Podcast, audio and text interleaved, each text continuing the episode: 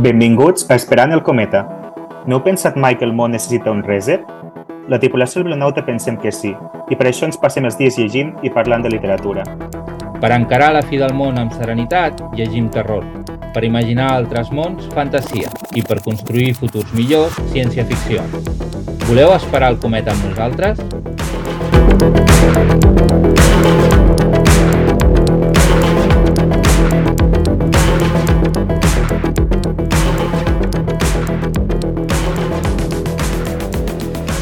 Benvinguts al tercer episodi d'Esperant el Cometa, el podcast del Biblionauta, que en aquest cas estem gravant a dia 3 de març. No hauria de passar molt de temps entre que gravem i surt l'episodi, però més o menys perquè tingueu una referència del que, del que anem parlant. Um, aquesta vegada tenim els participants, són el Pablo Mallorquí i l'Edgar Cotes com a comoderadors del podcast, presentadors i participants a la tertúlia. Hola Pablo, hola Edgar. Hola Miquel. Hola, bona nit. Tenim també el professor Sol de Villa, que avui parlarà amb nosaltres de còmic europeu i còmic nord-americà. Crec que en aquest cas més aviat còmic europeu, concretament, però ara veurem. Exacte, sí, sí, que ve, que ve de la França. Això ve de la França, sí, sí, sí. Així Molt ho faré. Bé. Perfecte. I tenim també a la Mercè Quartiella, que vindrà a fer-nos alguna recomanació de llibres i participarà a la tertúlia. Hola, Mercè. Hola, bon, bona nit, què tal? Molt bé. Tenim també un convidat, un convidat d'excepció, que estarà, si més no, part del programa, que és el, el nostre capità, el capità del Biblionauta, el Daniel Genís, que ja el vam tenir en un programa sencer, el vam tenir en el primer episodi i que avui vindrà per bueno, compartir amb nosaltres alguna informació a la secció de notícies. Hola, Dani, què tal? Hola, bones. Molt bé, encantat d'estar aquí altra vegada. Molt bé. I amb això, comencem el programa. Edgar, vols posar tu la bola en marxa? L'actualitat del fantàstic. Eh, el mes passat ressenyàvem el segon programa del, del Cometa eh, Iowa i aquest mes ens hem assabentat que que l'obra ha guanyat el Premi Finestres a, a millor novel·la en català. I així doncs felicitem a la Rosa Cabré per, pel premi i estem molt contents que un premi generalista mainstream doncs, hagi premiat una obra fantàstica. Estic segur que serà un premi, a més a més, que tindrà molt recorregut, o sigui que em fa molta il·lusió que s'inauguri amb, el, amb aquesta novel·la. Sí, i tant. I ara passem a la secció de notícies eh, i donem la veu al nostre capità, que ens, que ens porta una notícia bastant important. Hola, sí, bona nit i moltíssimes gràcies. Uh, jo únicament sóc vingut aquí per anunciar que ja s'han fallat els finalistes dels nous Premis Imperdible i dic nous perquè si sou seguidors dels Bibli del Biblionauta ja sabeu que els Imperdible fins ara eren votats uh, pels nostres subscriptors, pels nostres uh, lectors, però aquesta edició de 2023 hem introduït doncs, una, una modificació substancial i és que hem creat una agrupació d'amics del Fantàstic en català al voltant de la qual hem convidat uh, una cinquantena de, de prescriptors, ja siguin doncs, conductors de clubs de lectura, uh, bibliotecaris, uh, bloggers i uh, influencers i també periodistes i altres uh, doncs, persones vinculades al que seria la prescripció del gènere fantàstic en, en català i els hem demanat que siguin ells el, el, el macrojurat, el, el gran jurat doncs, que, aquest any ens ajudi doncs, a, a conduir aquests premis imperdibles fins a, fins a l'elecció de, dels guanyadors habituals en, en les dues categories, no? en, en original en català i en, i en traducció. Bé, com deia, el passat 3 eh, de març s'han fallat els finalistes, en la categoria de millor llibre original en, català, en català tenim uh, Guilleries, de Ferran Garcia, i La mesura de l'home, d'Héctor Rivadeneira Moll, a part de Mare, d'Isabel del Río, de la nostra companya biblionauta, i en la categoria de Premi Imperdible millor llibre fantàstic de l'any traduït al català tenim uh, Bons Avaranys, uh, el llibre de Terry Pratchett i Neil Gaiman que van publicar l'any passat uh, Mai Més, i després dos llibres de l'editorial Cronos, per un costat El mar de la tranquil·litat, d'Emily St. John Mandel, i per l'altre L'home dels ulls compostos, de Wu Ming Yi. Uh, de tots dos en vam parlar precisament, si no m'equivoco, en, el, en el primer episodi d'aquest podcast. Per tant, són, són llibres, eh, tots ells, mm, coneguts eh, per la gent que ens va seguint en el, en el Biblionauta. Eh, els guanyadors es faran uh, públics el dia 1 d'abril, per tant, uh, estigueu atents.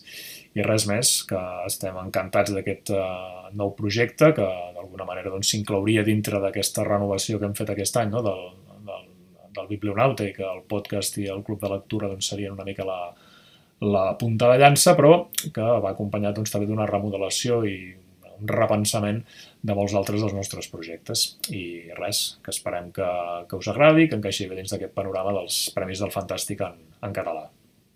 Molt bé, moltes gràcies, Daniel. Eh, la Sempos, llavors, el, el programa del mes que ve parlarem, sabrem qui és el guanyador.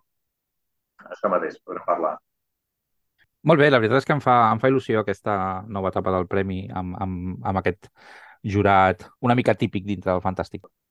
Molt bé, perfecte. Doncs passem a la secció de novetats. Dani, crec que aquí t'acomiadem, oi, pel sí, programa d'avui? Sí, sí, ho agrairé. Vinga, el mes que ve ja quedaré més estona. Gràcies. Una abraçada a tots. A Una abraçada. Bona nit. Adéu. Doncs passem a les novetats. Novetats literàries del mes. La primera novetat del mes que venim a parlar és La dimensió desconeguda, que ha publicat la i, i que recopila doncs, en, aquest, eh, en aquest recull de contes sis contes de Richard Mason que es van adaptar a la, a la sèrie de la dimensió desconeguda i amb la particularitat que cada conte està traduït per un traductor diferent, un dels quals doncs, doncs soc jo. Doncs eh, la següent novetat és a Scanner Darkly de Philip K. Dick, que ha sigut traduït per Josep Sampere. Uh, és una, un nou Philip K. Dick que, eh, perdó, Philip K. Dick que ha publicat eh, Males herbes després dels tres estigmes d'en de, Palmer Eldritch i és una novel·la on l'autor torna a una de les seves dèries principals, que és l'abús de les drogues, en aquest cas, bueno, en aquest cas la substància es diu substància M, també coneguda com a mort, mort lenta, i, bueno, això, abús de drogues i capacitat per distingir els planos de la realitat i, a més a més, té bastant to autobiogràfic. Eh, a més a més, hem de dir que aquesta obra eh, és també famosa per la, per la eh, adaptació que es va fer al cinema fa uns anys per Richard Linklater. Vale, el tercer llibre que, que ha sortit i que jo crec que, que pot estar molt bé és, um, ha estat publicat per el segell de novel·la juvenil de Raig Um, I l'autora la, és T. Kingfisher, no? que en realitat és el pseudònim d'una autora que, que té un recorregut bastant important que es diu Ursula Vernon. És un llibre de fantasia, fantasia juvenil, com dèiem, que es diu Guia màgica d'autodefensa amb galetes. El títol ja dona a entendre que, que la novel·la ha de tenir un toc d'humor doncs, bastant important, no? i de fet la portada, quan te la mires, que és molt maca, uh, també també ho suggereix, i ens planteja un món on hi ha mags que estan defensant una ciutat, però que la màgia només funciona a través del pa, a través de l'elaboració de pa. No, tinc molta curiositat per llegir-lo, la veritat. L'autora se n'ha parlat molt. El llibre aquest ha guanyat premis doncs, com el Locus i el Nèbula, entre d'altres, i pot estar molt bé. En aquest cas, el català té traducció d'Helena de, Urdeig Vila, no? i tinc molta curiositat per aquest llibre. La següent novetat és Cerca Llums, eh, de Peter Hamilton i Gareth Powell, traduït pel, pel Lluís Delgado i publicat per Cronos. I és una novel·la escrita per dos autors que són clàssics de la ciència-ficció, i que, que, però malgrat tot és una novel·la actual. I és una novel·la molt interessant, que a mi m'ha encantat, que sobre que, que malgrat comença com una, amb, un, amb una ciència-ficció molt hard, eh, eh, sobre, sobre una poss possible estrella de neutrons, ens explica una història més aviat um, d'aventures d'una d'una cercallums, que és una viatgera espacial que va recorrent diferents planetes, on la seva missió és anar agafant una, agafant una mena de collarets que graven la vida de les persones d'aquests planetes. I la, I la cosa estranya que anem veient és que aquests planetes eh, no evolucionen, tenen una, eh, la mateixa societat malgrat que van passant els anys. I a partir d'aquí anirem descobrint tots els seus secrets. Um, jo parlaré d'un llibre que ara, o sigui, el llibre que novetat que esmento és un llibre que estic llegint. De fet, és la, la lectura que tinc en marxa aquests dies i, i em falta un quart de llibre o així. I no és estrictament gènere fantàstic, però com a mínim a la secció de novetats jo crec que val la pena esmentar-lo perquè és un llibre que, que, que a part d'estar molt bé, jo crec que és d'interès per bona part del públic de gènere fantàstics pel tema que toca. El llibre es diu Demà i demà i davant, Demà, demà i demà, d'una autora nord-americana que es diu Gabriel Sevin, que a més a més diria que ara molt aviat ha de venir a presentar el llibre aquí a Barcelona. Penso que era el 14 de març. Um, i que l'ha publicat Periscopi amb una traducció d'Ernest Riera. Ens explica una història ambientada una miqueta en el món del desenvolupament dels videojocs i és una història molt de personatges. Si heu vist una sèrie que és molt recomanable, que es diu Halt and Catch Fire, que el que feia era una miqueta dramatitzar l'evolució dels ordinadors personals als Estats Units, Aquí fa una cosa semblant, però en el món dels videojocs, no? on l'èmfasis clarament està en la interacció entre personatges i en què vol dir estimar, què vol dir tenir amics, quins problemes s'enfronten, però tot el context té a veure això amb, la, amb, amb, amb el món de desenvolupament de videojocs. Um, no és gènere, és realista, és una història que podria passar perfectament, però pel tema que toca Uh, és d'aquests que de refilada uh, jo recomanaria a qualsevol aficionat al fantàstic. De fet, el recomanaria a qualsevol aficionat a la literatura, eh, a la bona literatura, però específicament als que els agrada el fantàstic. Molt bé.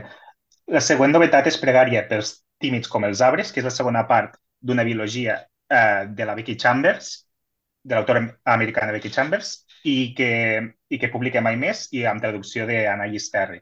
I com que el, el Miquel Codony, parla, com que parlem després amb el Miquel, doncs el deixem per després. La següent novetat ja d'un autor català és Unes ganes salvatges de cridar, escrit per Marc Tro, que és l'últim Premi Rodoreda de Contes i, i a més a més ha anat a parar aquest premi a un autor novell, com és el Marc Tro, que no havia publicat llibre abans, i són nou contes clarament de gènere, que segons l'editorial apunten a una humanitat crepuscular i podem trobar uns amics que viuen, moren i reneixen en cicles d'un dia, un ajudant d'enterramorts que és sospitós perfecte d'un crim, una carta escrita en... des d'una zona de guerra, l'estrany pacte per aconseguir la fotografia perfecta o una guineu amb el do de la conversa. Sembla, per tant, que és bastant eclèctic i que, i que clarament els elements fantàstics estan, hi estan molt presents. Per tant, és també un, per, per, qui agrada, els agrada, per qui li agradi perdó, llegir contes, jo crec que és una opció bastant interessant d'aquest mes de febrer. Molt bé. L'altra novetat que hem seleccionat és la darrera novel·la del Pere Antoni Pons, que l'ha publicat amb Empúries i porta com a títol Contra el món. Uh, és una novel·la de gènere uh, en el sentit de que el que passa és que una serralada de Mallorca, la Serra de Tramuntana, per un cataclisme inconcebible, ens diu la sinopsi, ha desaparegut i a partir d'aquí, doncs, la illa, ha de, ha de, la, els habitants de la illa de Mallorca han de, d'alguna manera, adaptar-se a aquest canvi, no? a aquesta catàstrofe que no sabem com ha passat, mentre el reste del món tira endavant. És una novel·la que tinc en marxa, la vaig començar l'altre dia, el que passa és que per A o per B hi ha altres llibres que, que li estan passant al davant, però que no té que... aquest passar al davant no té a veure amb la qualitat. Està molt ben escrita, a més a més en un català mallorquí que si no ets de Mallorca doncs crida una mica l'atenció perquè no hi estem tan avasats i que, i que també, o sigui, igual que deia abans del demà i demà i demà, que estava molt basat en la interacció de personatges, en aquest cas també, tot i que eh, el demà i demà i demà és més aviat lluminós i aquest a priori està sempre explicat en primera persona com si fos una recopilació de cartes, no? Sembla que hagi de ser una novel·la, no sé si després seguirà així o no, epistolar, i té un punt una miqueta més fosc. No m'atreveixo encara a quantificar el component fantàstic que té, però hi és. I és un llibre que, que jo com a mínim llegiré amb molt de gust i que crec que, que pot ser molt interessant. Sí, la següent novel·la que parlem també està ambientada al futur i, um, però en aquest cas, en lloc de, de la d'un cataclisme, hi ha, una, hi ha una invasió de senglars a Barcelona. La novel·la es diu Profecia, del Raül Garriga Sait, que publica edicions de 1984, i, i malgrat que aquesta invenció de, de, de senglars sigui més aviat la, la història d'un professor veterinària està especialitzat en manífers i la seva filla que estudia llengües semítiques. I, i és un d'aquests autors que sembla que toque el gènere de manera tangencial, però també ens interessa veure com tracten els autors més mainstream una història més distòpica o futurista. Molt bé, doncs seguim amb autors catalans i en aquest cas eh, tenim Solastàlgia de De Castells, que torna a l'altre editorial amb una novel·la totalment d'aires postapocalíptics. Uh, la novel·la segueix a la Sara, que és una dona que decideix eh, fugir a l'Empordà després d'unes inundacions destructives a Barcelona i està acompanyada, a més a més, d'un grup de persones que es plantegen refundar-hi l'edat mitjana però amb tecnologia del segle XXI. S'ha de dir que, a més a més, a més que el, el títol és un neologisme, que solestàlgia, que designa la tristesa causada per la destrucció del nostre entorn i de retruc de tot el planeta Terra. Per tant, estem parlant clarament d'una novel·la que farà una crítica social de, de, de cap a on va el nostre món, per tant, postapocalíptica i clarament de gènere, tot i ser d'una autora que, que és bastant coneguda per, per públic català en general. Molt bé, jo tinc curiositat per la de Castells. Vale, el la següent novetat que hem seleccionat és un nou llibre del Jaume Valor. El Jaume Valor us sonarà perquè darrerament se n'ha parlat molt amb la nou CGI d'Espècula. Ha tret Les causes invisibles, una novel·la que jo recomano molt, i ara treu una novel·la que en realitat la recupera d'una edició anterior que era, que era autoeditada i autopublicada a, a través de, bueno, en aquest cas a través d'Amazon. La novel·la es diu Omni i ha estat publicada per Llibres del Delicte i és una novel·la de ciència-ficció juvenil que pot recordar una miqueta alguns aspectes de, de, de Ready Player One, en el sentit de que gairebé tot el que importa que succeeix al món ha estat traduït, ha estat traslladat a una mena de xarxa virtual que es diu Omni, no? És l'Omni que, dona, que dona títol a, a la novel·la, no? I tot està basat doncs, en els avatars que tens, en l'activitat que tens a la xarxa, i eh, a en un joc d'ordinador virtual que es diu Roman Steampunk. I és una novel·la de ciència-ficció juvenil de misteri. Jo la vaig llegir fa molts anys en l'edició anterior i la vaig trobar interessant i em va agradar bastant. El que no sé és quin grau d'edició o quin grau, no sé, no sé fins a quin punt és directament una reedició o és una novel·la nova. En, bueno, val la pena fer-li una ullada. Sí, encara que no hi hagi cap canvi, si és com la que jo vaig llegir, jo la recomano bastant. Doncs eh, ara tenim una altra novetat que és d'aquests artefactes narratius que no saps ben bé uh, si és gènere o no. Jo crec que caldrà llegir-la, però clarament és una novel·la insòlita que, que segur que, que, que ens interessarà als fans del Fantàstic. Estem parlant de La Torre dels Russos, de David Galvez Caselles, un autor que aquest cop publica amb La Breu, però que també havia publicat una obra més clarament de gènere uh, amb les herbes. I com deia, és un artefacte narratiu que barreja realitat i ficció. El llibre, la veritat, gira entorn a, a la Torre dels Russos, aquesta que dona títol al, al, a la novel·la, i és una casa construïda a Andorra el 1916 sota l'encàrrec d'un filantrop nord-americà eh, que es diu Fiska, Fiska Warren i que està sota l'administració d'un misteriós rus que es deia Nicolás Popov, que s'hi va establir en aquesta casa dels, dels russos amb la seva dona, que arrossegava una llegenda urbana bastant escandalosa. Llavors, amb aquesta premissa, Galvez eh, recrea la història de les històries més aviat dels habitants i de la pròpia torre, afegint-hi mites i comentaris literaris de la zona per crear un llibre, la veritat, molt suggerent. Molt bé, i una altra novetat, en aquest cas, és Terror, terror jo crec que juvenil, que és el Sota el fang de Joan Roca, publicat per la Magrana. Um, no sé gaire res d'aquesta novel·la, però crec que es publica prou poc terror com perquè valgui la pena destacar-los i, i, i fer-los una ullada. En aquest cas, el que ens diu la sinopsis és que al cap de 20 anys, dies després de la recepció del pare d'uns d'un de, infants, un braç apareix brutalment esqueixat enmig del canyissar. I a partir d'aquí eh, comença una història de misteri no? on el, el protagonista és perseguit pel seu passat. No sé què ens hi podem trobar, però m'agrada com ha dit la Magrana i crec que, que està bé donar cabuda, cabuda al terror. No? Vull dir, en, aquesta, en aquesta selecció de novetats han anat apareixent tots els gèneres, la ciència-ficció, el, la fantasia i faltava el toc aquest més sinistre. També sembla tindre un to sinistre a l'obra de, dels fils del mar de la Inés MacPherson, que és la tercera obra de um, llibre que publica Espècula, i de fet és la primera obra adulta, crec que publica la Inés, que malgrat que havia publicat obres juvenils. I també en parlarem més en profunditat al programa, eh, la Mercè que ens en parlarà, així, que, així doncs, doncs ens revisarem per més tard també. Sobre els fils del mar, també val la pena dir que és el llibre protagonista de la propera sessió del Club de Lectura del Biblionauta, del Club Fahrenheit, no? que el comoderaran l'Edgar i el Ricard Ruiz Garzón i que el tenim programat pel proper 16 de març, si no m'equivoco, no, Edgar? Sí, efectivament, 16 de març. Vull dir que esteu més que convidats a, entrar a la pàgina web del Biblionauta, buscar la secció del Club de Lectura i apuntar-vos que les dues sessions que portem fins ara han estat molt interessants. Jo crec que també participaré en el, en el programa llegint la, la novel·la.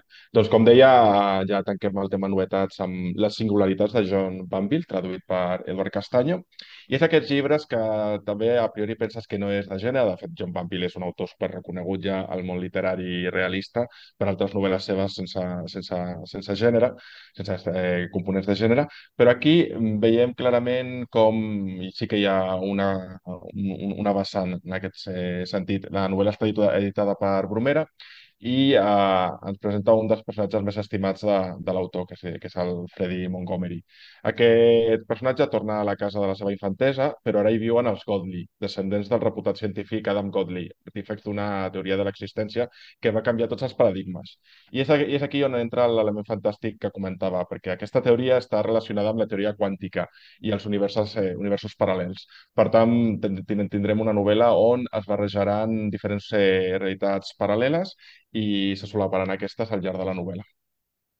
I pel que fa a les novetats de còmic, eh, en aquest cas de manga, tenim eh, aquest, aquest mes de febrer han sortit eh, els números 91 i 92 de Volada de Drac Super, d'Akira Toriyama, els, els números 17 i 18 de My Hero Academia, de Kohei, de Kohei Hirokiyoshi. En el cas de Kaji, que, um, que, que és una, una nova editorial del qual encara no havíem tingut oportunitat de parlar, doncs continua les seves dues sèries també shonen, com són Grendel i Dodoma, amb la segona part. I, i en el cas de Norma Editorial publica el número 5 de Chainsaw Man, el número 4 de Jujutsu Kaisen, el número 4 de Guardians de la Nit i el número 7 de Tokyo Revengers.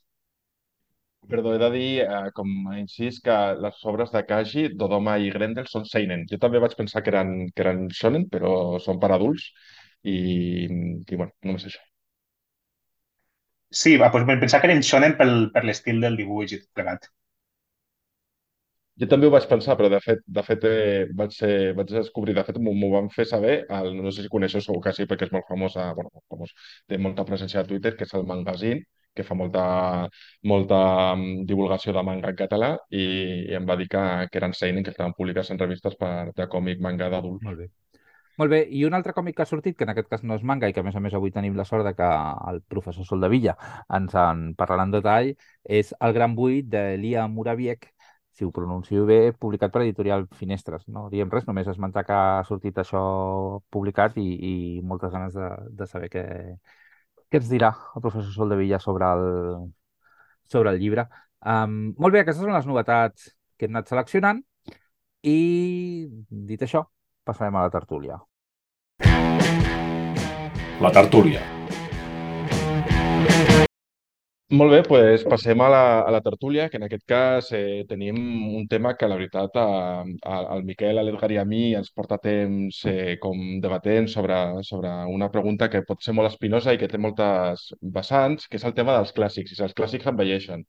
Primer, clar, per, per, per respondre a aquesta pregunta, primer hauríem de saber el que, el que és un clàssic. Evidentment, hi ha uh, moltíssimes eh, definicions, però bueno, nosaltres ens centrarem, centrarem en general aquestes obres de, de, de gènere fantàstic, ciència-ficció, terror, que han passat el, el filtre del, del temps. No? Eh, no, no entrarem a si tenen més qualitat eh, literària o no, perquè al final no deixa de ser una, una, una opció subjectiva, però sí que podem parlar d'aquestes obres que ja tenen un temps i que encara ressonen en els, en els lectors. Però moltes vegades passa que aquests clàssics eh, llegits amb, amb ulls de, del segle XXI pues, eh, passen a, a tenir algunes qüestions que poden ser problemàtiques o no, o poden passar al, al filtre del temps i la prova del temps amb, amb, amb, amb temes que continuen ressonant en, en tots els, en, en la nostra societat i en el futur, però sí que, a més a més, eh, trobem que, que, bueno, que és, una, és una pregunta que, que cal que cal respondre i debatre perquè al final eh, vivim ara en una època on els clàssics es posen en qüestió. De fet, parlarem d'un cas que, que s'ha comentat eh, fa relativament poc, com és el cas de, de, de l'obra de Roald Dahl, que no és de gènere, però no deixa de ser un autor molt important d'infantil i juvenil i que, bueno, com tots sabem, ha tingut una certa reescriptura per adaptar les seves obres a, al, al públic actual, als, als nens d'ara. No? Llavors, eh, per començar, jo volia preguntar-vos si, si, si esteu d'acord amb la premissa de que els clàssics envelleixen. No sé qui vol comen començar. Mira, eh, els clàssics eh, envelleixen, però fem, fem una apologia de la senectut, és a dir, envellir no és un demèrit, no? no? sinó que senzillament és acumular eh, com a clàssics, lectures i relectures. És evident que un clàssic es caracteritza perquè, entre altres coses, perquè pot ser llegit al llarg del temps i preservant no, la seva identitat, també admet noves lectures a mesura que s'incorporen noves sensibilitats als nous temps. No? Vull dir que sí, sí, envelleixen, però això és positiu. És a dir, ara no farem l'analogia amb el vi, eh, perquè potser està una mica gastada, però sí que eh, envellir és, és, és, és senyal de que, de que el clàssic està viu, perquè només hi ha dues opcions, o envellir o morir. I, per tant, millor envellir en el sentit que eh, esmento. També que cal tenir en compte que s'ha de, de pensar, quan llegim un clàssic, eh, en el moment en què aquest clàssic va ser escrit. S'ha de tenir una mica de perspectiva històrica. No podem jutjar una cosa que va ser escrita al 1940 amb ulls del 2023, perquè és evident que els nostres paràmetres, afortunadament, eh, en molts aspectes han evolucionat. Llavors, clar, no podem pillar de segons què obres per exemple, no podem dir que són masclistes o que hi ha poca presència de les dones, una obra que va ser escrita als anys 40 o als anys 50, perquè el context històric eh, així ho marcava i, i, i seria demanar una cosa que no és.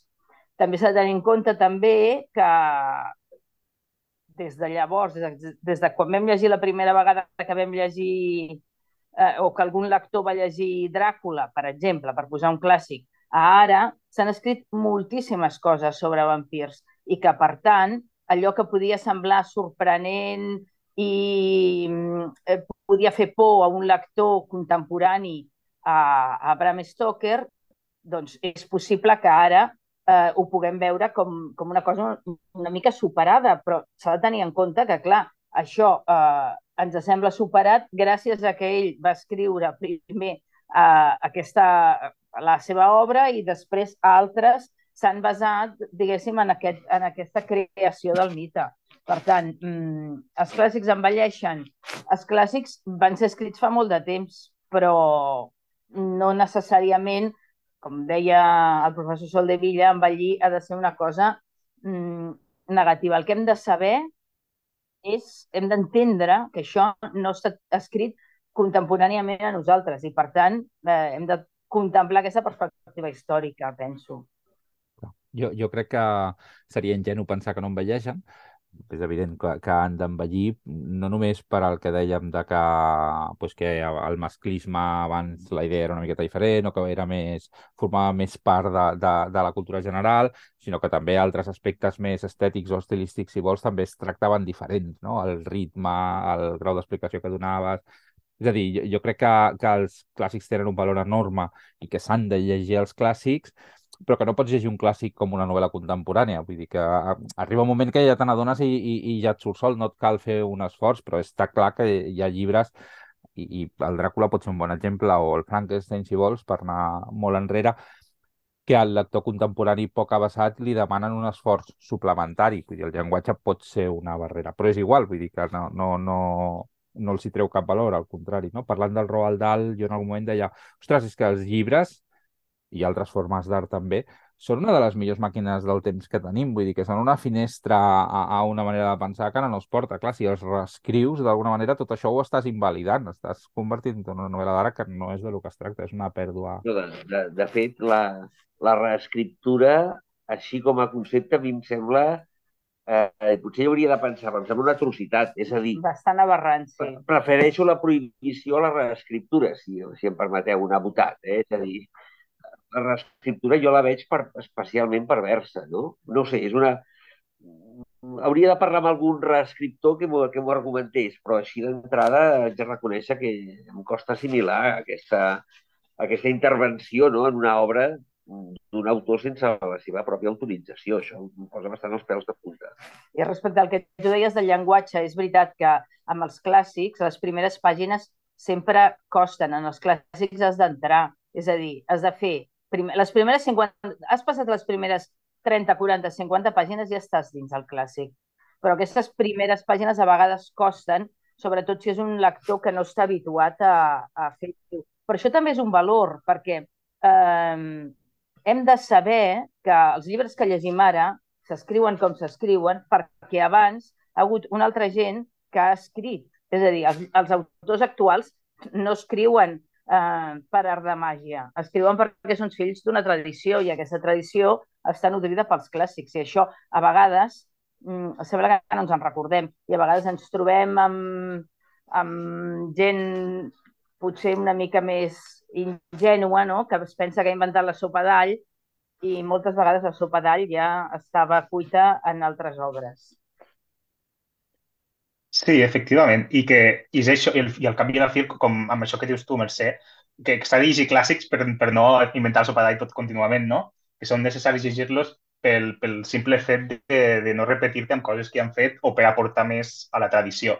I també en la qüestió dels clàssics, jo crec que més que envellir, s'ha de dir si han envellit bé o malament perquè jo a vegades me trobo clàssics que quan els llegeixo eh, se'm desprenen de les mans malgrat la influència que ha hagut al seu temps. És a dir, que, per exemple, que avui dia, potser per les lectures que hi ha hagut o per, per, la, per, per, per tothom que, que vist influenciat, i avui dia no, acabes, no t'acaben aportant res o més enllà del fet historiogràfic o de, o de curiositat de com, de com és aquest clàssic, i n'hi ha d'altres que, que et fascinen, que continuen mantenint aquesta uh, vigència, diguem, o, una, o pots tindre diverses lectures. Per exemple, que Frankenstein a mi em va fascinar, malgrat ser una novel·la escrita del 1818. I crec que és això, i, i a vegades és difícil determinar com, com, com, com si envelliré bé o malament, o, o potser fins i tot és una qüestió personal, perquè potser per a mi Mm, generacionalment ja m'envia malament i potser una generació anterior eh, o simplement algú nascut 10 anys abans que jo eh, no, no li semblarà envellit. Però una qüestió interessant. Sí, jo crec que també que eh, la part aquesta de que evidentment és subjectiu, però jo crec que hi ha, hi ha coses que sí que potser pots pensar que han envellit. Posem, entrem a la part d'envellir malament, no? que al final és, és també una part important de, del qüestionament dels clàssics. Jo crec, per exemple, que la ciència-ficció és un gènere que és bastant procliu a, a patir el pas del temps, perquè és un gènere que al final projecta les preocupacions del moment cap al futur. Llavors, quan llegeixes aquestes obres en un futur, a, a vegades no ens, no ens sentim interpel·lats per, per aquest futur, no perquè no tinguin els mateixos, les mateixes preocupacions, perquè a vegades fins i tot podem trobar reaccionàries determinades obres que es plantejaven problemes que després hem vist que no, que no, no eren problemes, però també hi ha com qüestions de, de, de valors estètics que, que poden quedar desfasats. Jo volia parlar, per exemple, del cas de, de Citam Rama, que serà um, reeditat en català dintre de, de poc temps, o Mundo Anillo, que són dues obres, per exemple, de, de, de ciència-ficció hard, que a mi em semblen eh, molt avorrides. I crec que una, un dels problemes que tenen aquestes obres és que són, és un subgènere que, que està molt circunscrit a, a una època determinada, com eren els anys 70, 60, fins i tot 80, on l'exploració i el progrés et feien bueno, a imaginar, en aquest, en aquest cas, com és Mundo Anillo Citant Rama, artefactes de l'espai amb, amb una arquitectura impossible, amb una alta tecnologia que, que, que, que generava un cert sentit de la meravella. Jo podia entendre en el seu moment que la gent, eh, en les descripcions de Mundo Anillo, eh, poguessin quedar meravellats per, per com descrivia. Però avui en dia que bueno, tenim internet, la televisió està molt més eh, instal·lada, aquestes visions d'alta de tecno tecnologia, d'estructures impossibles, sense una trama darrere, acaben sent avorrides, perquè, perquè no ens conformem només amb una descripció d'objectes que, que al final tenim imatges, ens bombardegen amb imatges de, per tot arreu, no? Sí, jo crec que, que hi ha dues coses. Una cosa és per què llegim els clàssics, no? I pot haver-hi llibres que valgui la pena llegir-los per una miqueta conèixer el lloc que ocupen dintre d'una tradició i potser citar per Rama eh, és aquest exemple, no? Potser, potser ha mantingut menys vigència amb altres aspectes, però si t'agrada la ciència-ficció potser té interès llegir-lo doncs, per saber aquesta tradició no? més basada en ciència-ficció hard o com s'ha tractat l'alien o els objectes desconeguts. I després hi ha altres llibres que potser sí que mantenen una vigència. Potser diuen coses que encara avui dia val la pena que siguin dites, no? I, i el Frankenstein pot ser un exemple d'això o, o, o molts altres, no? Molts altres llibres o el 1984, si vols. De, 1984 no? és... el que jo estava pensant ara Correcte. mateix. Clar, és un llibre que, que ens ajuda molt encara a entendre el present avui en dia, no? I, en canvi, sí, sí, cita, sí. cita amb Rama potser no. Els plantejaments que fa sobre les estructures de poder, Clar. sobre la llibertat individual, tot això és absolutament vigent. Sí, jo, coi- jo en 1984 també trobo un perill, que hi ha un perill reaccionari d'analitzar aquesta obra, perquè també és una obra que analitza o que critica el sistema autoritari comunista, i no estem en un sistema comunitari, Però- eh, autoritari Però tu pots comunista. generalitzar aquesta reflexió. Ja, però pots extrapolar, perquè Clar. en realitat un sistema autoritari que controla la població, encara que digui- encara que l'anècdota argumental, quan va ser escrit 1984, fos la dictadura comunista, això ho pots extrapolar-ho a altres sistemes autoritaris de vigilància de la població, on la, la, la possibilitat de la llibertat individual està molt eh, restringida. Sí, però bueno, s'ha vist fins i tot diputats del PP fent servir eh, aquests, aquest, aquesta cosa. No, no, ho dic per a, com, un, com un punt de, de que també es poden pervertir els clàssics. Absolutament, absolutament d'acord, però això sempre passa amb totes les obres perquè, eh, com deia abans el professor Soldevilla, s'han fet tantes lectures al respecte que al final, al- al- contra més eh, temps passa del clàssic, més, més lectures hi pots fer i, com sempre ja sabem tots els lectors i tots els autors, el lector projecta sobre l'obra el que vol veure-hi. I al final el que tu acabes fent és eh, fent-te venir bé la, la, la reflexió d'aquella obra a la teva ideologia. Però això passa, en 1924 passa amb el Quijote, vull dir, passa amb totes les obres de, de tots els temps. Eh, Llavors, clar, el que passa que si tu, mm, això no vol dir que la, per mi, eh, per mi, no vol dir que l'obra no tingui validesa. Vol dir que pot ser interpretada des de moltes vessants i també moltes interpretacions d'aquestes són interpretacions demagògiques que agafen un aspecte concret i el fan i el, se'l fan venir bé perquè quadri amb, amb la seva ideologia. Llavors, bueno, també eh, com, deia, com deia Antonio Machado, mm, quan la retòrica ens convenç de tot, doncs desconfiem de la retòrica. No, no, i, i, i amb totes aquestes relectures, és a dir, que per exemple, no, hi hagi aquesta manipulació, no, de que des de partits polítics doncs, agafin un llibre i, i se'l portin als... En el fons tot, quan hi ha tot aquest procés de, de manipulació o de revisió interessada d'un text clàssic, no deixa de ser positiu, és a dir, senyal que està viu, senyal que està viu, no? encara que sigui per eh, deformar-lo, maltractar-lo, és a dir, si aquella obra d'alguna manera genera un debat, doncs mm, benvingut, senyal de que això de que no està enterrat. És el que dèiem, no? Envellir o morir. Mira, si, ets, si generes polèmica, en el fons, aquella obra segueix viva. És una, I, i potser, per això, potser per això és un clàssic, perquè permet lectures, lectures diferents, no? I de fet això ho lligo una miqueta amb el que deies de la, de la reescriptura abans, Solde, de, que, que és molt reprobable que es reescriguin els llibres. A mi el que em sembla més interessant, però, és no la reescriptura, sinó la reimaginació, que en diuen, que és una paraula molt lletja, però el fet de que jo escrigui un nou Frankenstein però no és el Frankenstein de Mary Shelley, és el Frankenstein de Miquel Codony amb una lectura concreta, però que això ja és legítim, no? I llavors és això de que amb els llibres es pot mantenir, es pot mantenir un diàleg, no? I són llibres diferents que dialoguen. No estic fent callar un llibre que ja existeix fent-lo passar per un text diferent, que això és lo, lo xungo, no? De fet, ara, amb el, la conya del Roald Dahl, llegia al diari feia poc que el, els que havien comprat les edicions originals de determinada edició en format digital de Kindle automàticament se'ls havia actualitzat el que ja havien comprat amb el text nou.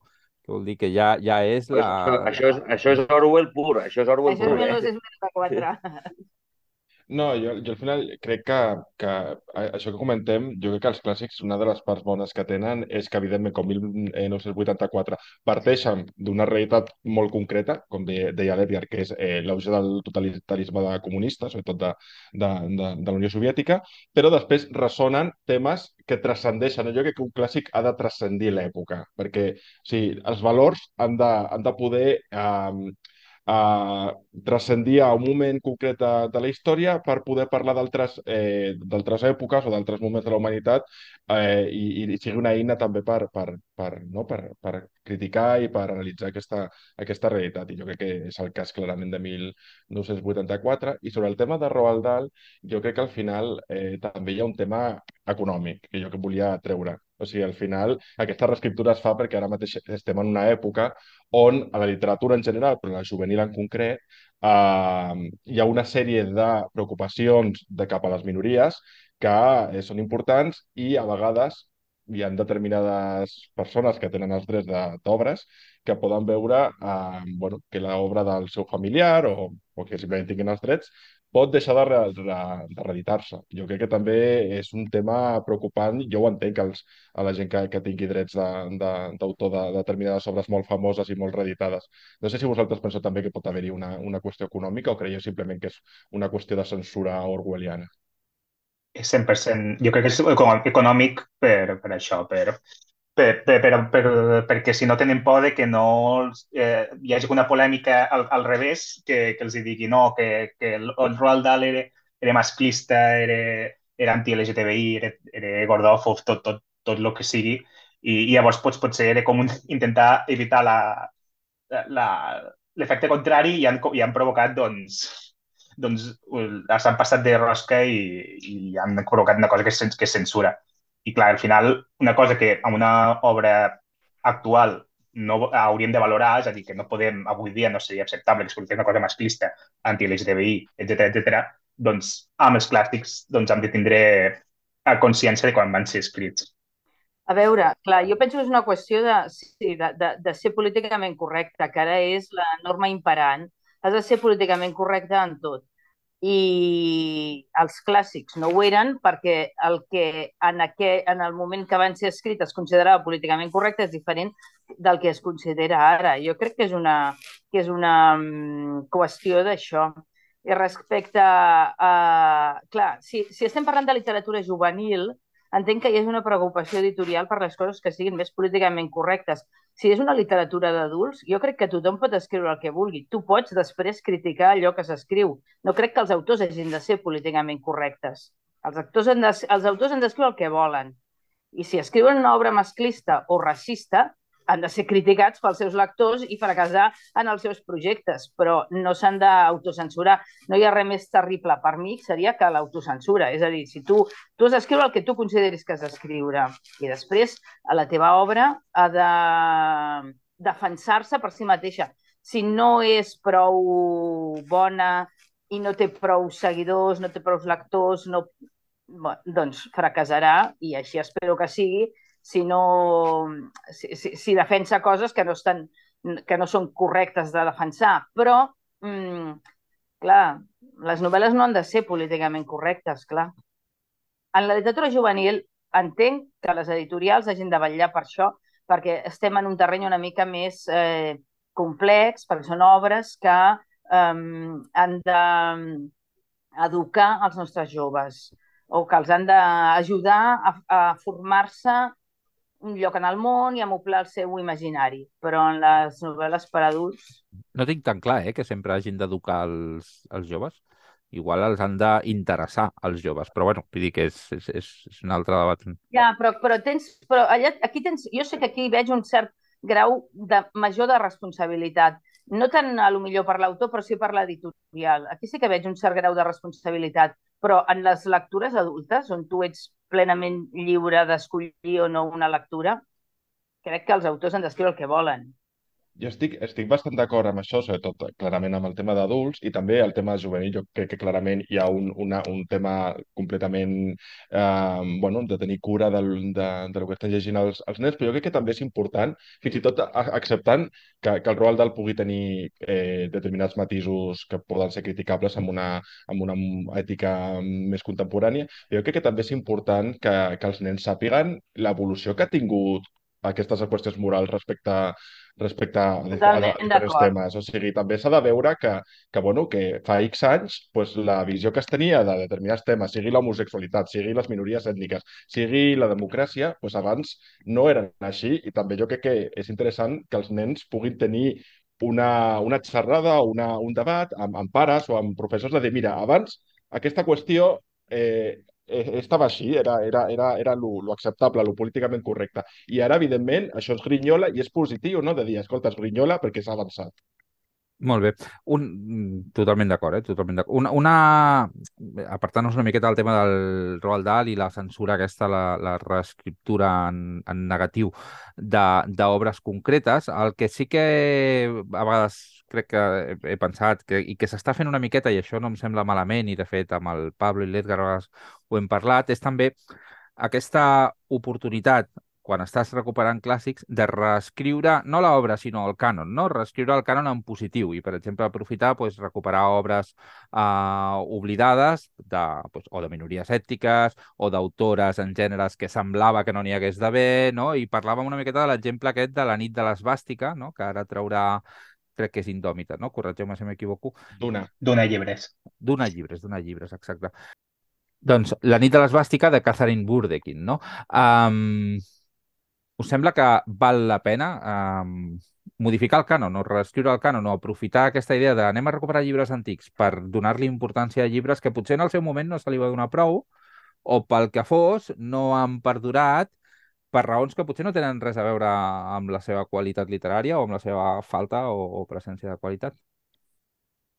Clar, és que hem de tenir en compte que el cànon només és eh, allò que es va decidir en un moment determinat que era bo. I es va decidir que era bo per moltes raons. Potser perquè era bo, però potser per altres motius extraliteraris, perquè mm, al cap i a la fi el cànon eh, ve imposat per l'establishment cultural. I llavors eh, que domina el sector en concret, el que sigui, el cànon de la literatura fantàstica doncs, per, per, per l'establishment que, que domina aquest, aquest sector i el cànon de la gran cultura per a l'establishment que domina la gran cultura. Llavors, eh, no dic que estigui equivocat, el cànon s'ha de conèixer, però s'ha de ser crític també amb ell. I és possible, perfectament possible, que hi hagin obres que hagin caigut del cànon per qüestions extraliteràries absolutament, absolutament d'acord. Això és el que passa amb uh, la presència de les dones escritores. Això és, hi ha molt poques dones en el cànon, hi ha molt poques dones en el cànon perquè qui feia el cànon eren homes. Ja està.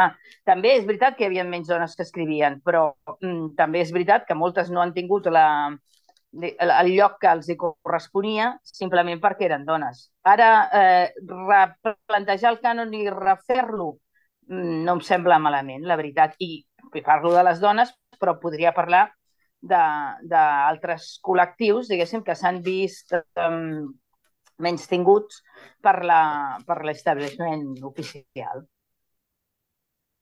Sí, que també pot ser una bona forma de, de crear nous referents, no?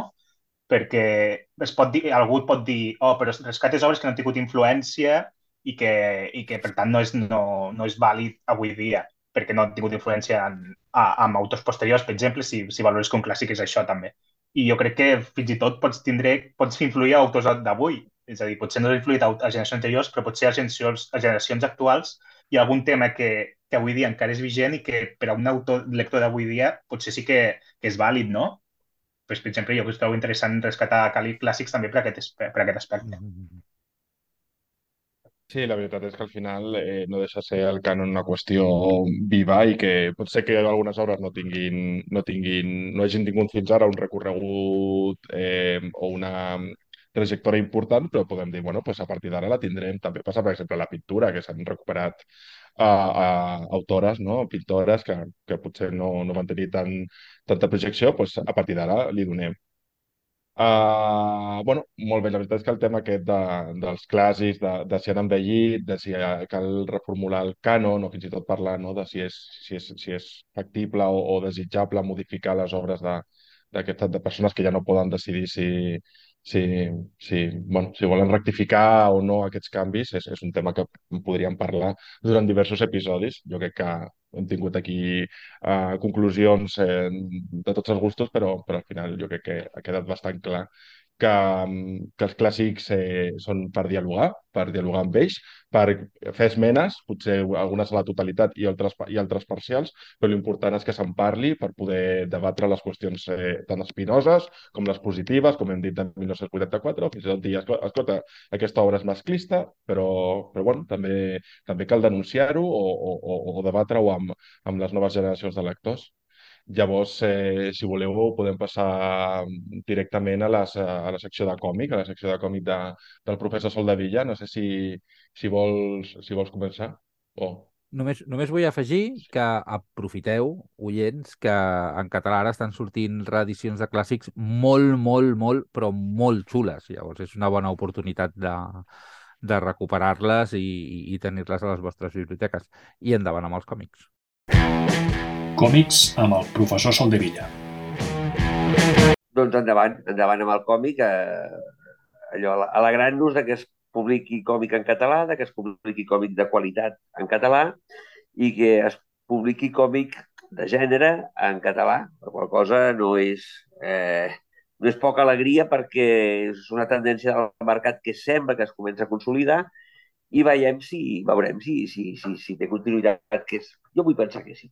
Bé, anem a parlar d'un còmic eh, que ha arribat amb molta empenta, amb molta força, que és el Gran, el Gran Buit, no? que és una obra d'una autora molt, molt jove, que es diu Lea Moravik, si ho pronuncio correctament, i ha estat editat per eh, Finestres, no? i traduït al català per la Marta Marfany eh, eh, arriba avalat per un premi potent, no? que és el premi del públic del Festival d'Angolem del 22. És a dir, el Festival d'Angolem és el gran, el gran festival del còmic europeu, el gran festival del còmic, diríem, franco-belga, i eh, la veritat és que tot el que es premia allà sempre marca tendència, no? Doncs bé, ella va guanyar el premi i ella és una autora extremadament jove, eh? té 28 o 29 anys, i aquesta era la seva primera, la seva primera obra. Tot és una persona amb un bagatge formatiu més que considerable. Eh? No, no és una obra espontània, sinó que és una obra ja en la que portava treballant molt de temps i ella és una autora que sembla, sembla que pot fer, pot fer un llarg recorregut. No? A veure, presentar aquesta obra eh, és, és una mica complicat, no? perquè és una obra complexa eh, en forma i fons, no? però, però que paga molt la pena de llegir precisament per aquesta complexitat. No?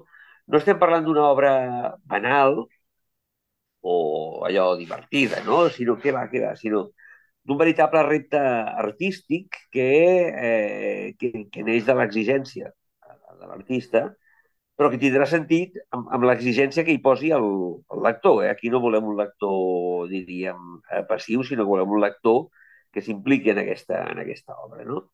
A veure, eh, el còmic eh, francès o franco-belga és, és, és d'una solidesa extraordinària, no? I només cal anar, cal anar a França i veure les llibreries de còmic i, i allò t'emociona perquè, ostres, l'oferta, la, la, la creativitat, el mercat... El mercat és molt El mercat franco-belga és molt especial perquè té una solidesa eh, extraordinària, no només pel, pel teixit editorial, sinó, òbviament, pel, pel teixit de públic, no?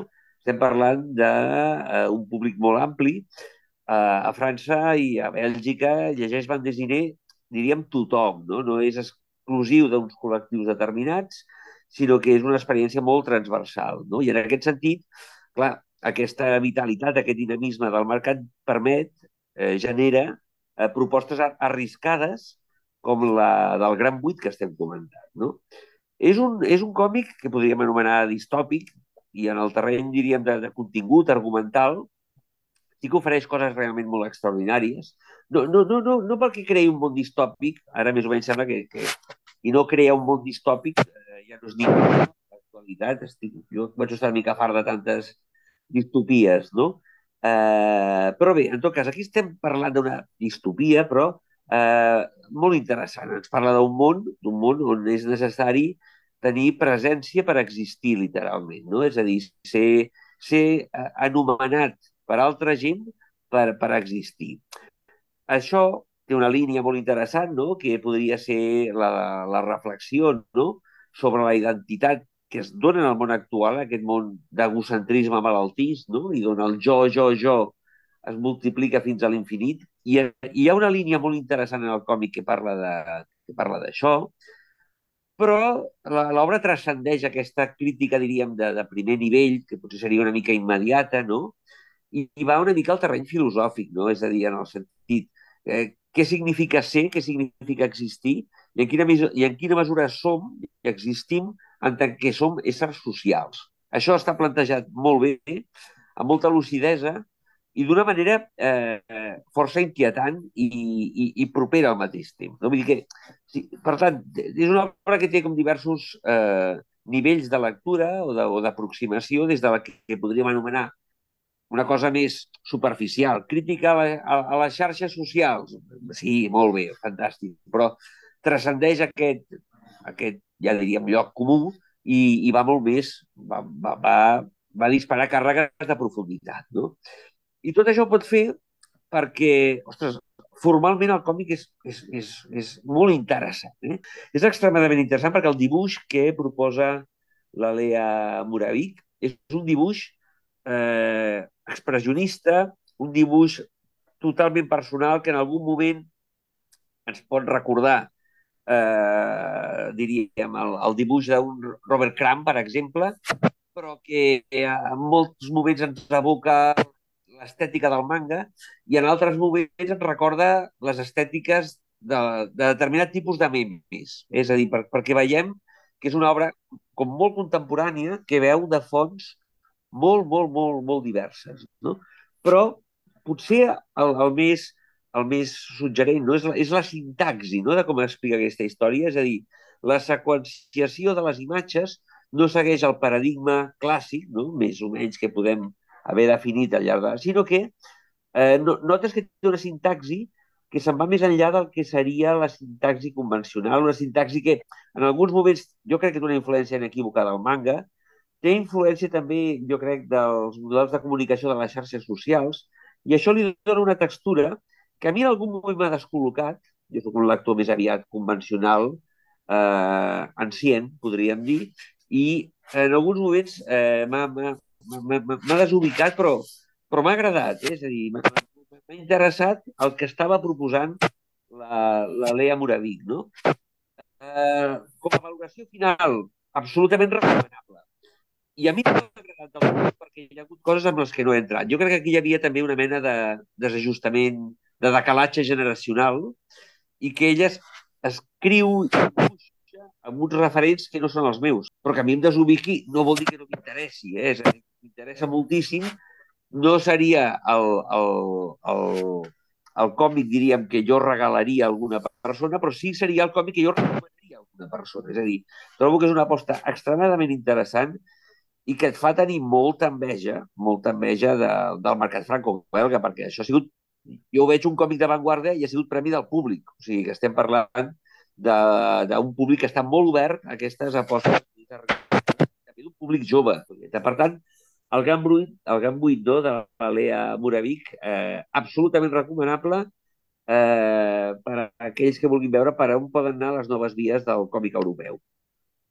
I me l'has venut molt bé, eh? Total. Era l'objectiu. molt bé. Molt bé, molt bé, molt bona pinta, la veritat. Gràcies a Solde, gràcies, professor Solde Villa. Um, I amb això acabem la secció de còmics d'avui. Jo crec que amb, amb, amb nota molt alta. La veritat és que sembla molt interessant i, i molt bé els editorial Finestres per haver seleccionat l'obra i, i haver-la publicat. L'edició és xula, oi, també? L'edició és, és molt, molt maca. Vull dir, és una edició no sé si dir de luxe, però impecable, amb, amb paper molt bo, amb una impressió espectacular. També llueix molt el, el, el bicolor que utilitza l'autora i després quan hi ha unes pàgines a color eh, és que, és que allò esclata, eh? té, una, té una força visual tremenda. No? Eh, tapa dura, ostres, un, un d'aquells llibres que et fa goig a la, a la lleixa de l'estanteria, però no parlo de decoració, eh? vull dir que com a, com a, com a objecte, magnífic de contingut ja us ho he explicat. Molt bé, molt bé. Doncs moltes gràcies. I, i amb això ja passem a la, a la següent secció, que és la darrera, que és la secció una miqueta de les nostres recomanacions o, o, o ressenyes d'obres que, que ens han interessat, no? d'obres menys o menys novetats que ens han agradat. La Biblioteca del Cometa. Doncs passem a les ressenyes. Mercè, tu de quin llibre ens parlaràs? Ah, bueno, abans l'Edgar ja ho ha dit, que ens parlaries dels fils del mar, no? De, de l'Inés Macpherson. Jo us, us porto els fils del mar de la Inés Macpherson, que ha publicat Espècula. Uh, la Inés havia participat en diverses antologies um, fantàstiques, eh, amb diversos relats, eh, amb cronies i altres, i altres eh, relats fantàstics, i ara ens porta aquesta novel·la. La novel·la de la Inés és un relat sobre la condició femenina i la seva submissió a un poder patriarcal. Però no és només això. Um, aquesta... Només per aquest fet ja seria una obra molt interessant perquè és un tema molt d'actualitat i sobre el que cal parlar i escriure. Però, a més a més, té moltes altres coses. Per una banda, um, la, la història està ambientada en un món de ficció que té molts aspectes en comú amb el món real i això és una mica inquietant, sobretot pel que fa a actituds i mm, dels seus d'alguns dels seus protagonistes i això resulta una mica inquietant.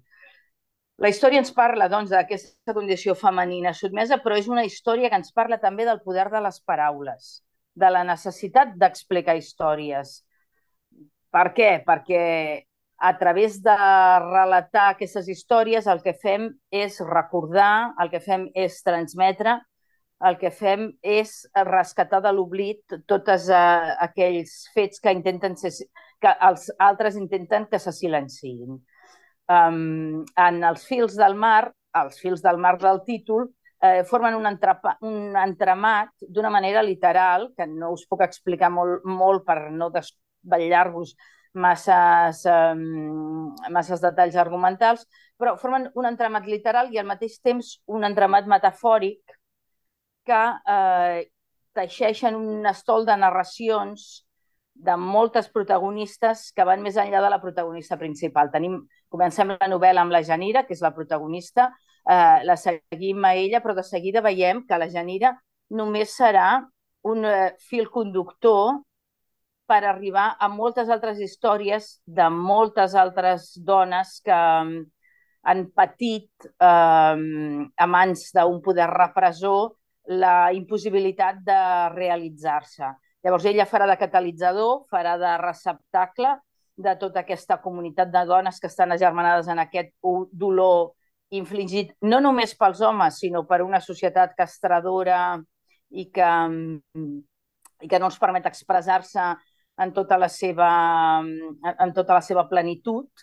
I en aquesta societat castradora hi ha homes però també hi ha dones perquè és una societat, és, és la, aquest conservadorisme i aquesta necessitat d'immobilisme social el que fa que aquestes dones pateixin eh, i les converteix i les converteix en víctimes. No?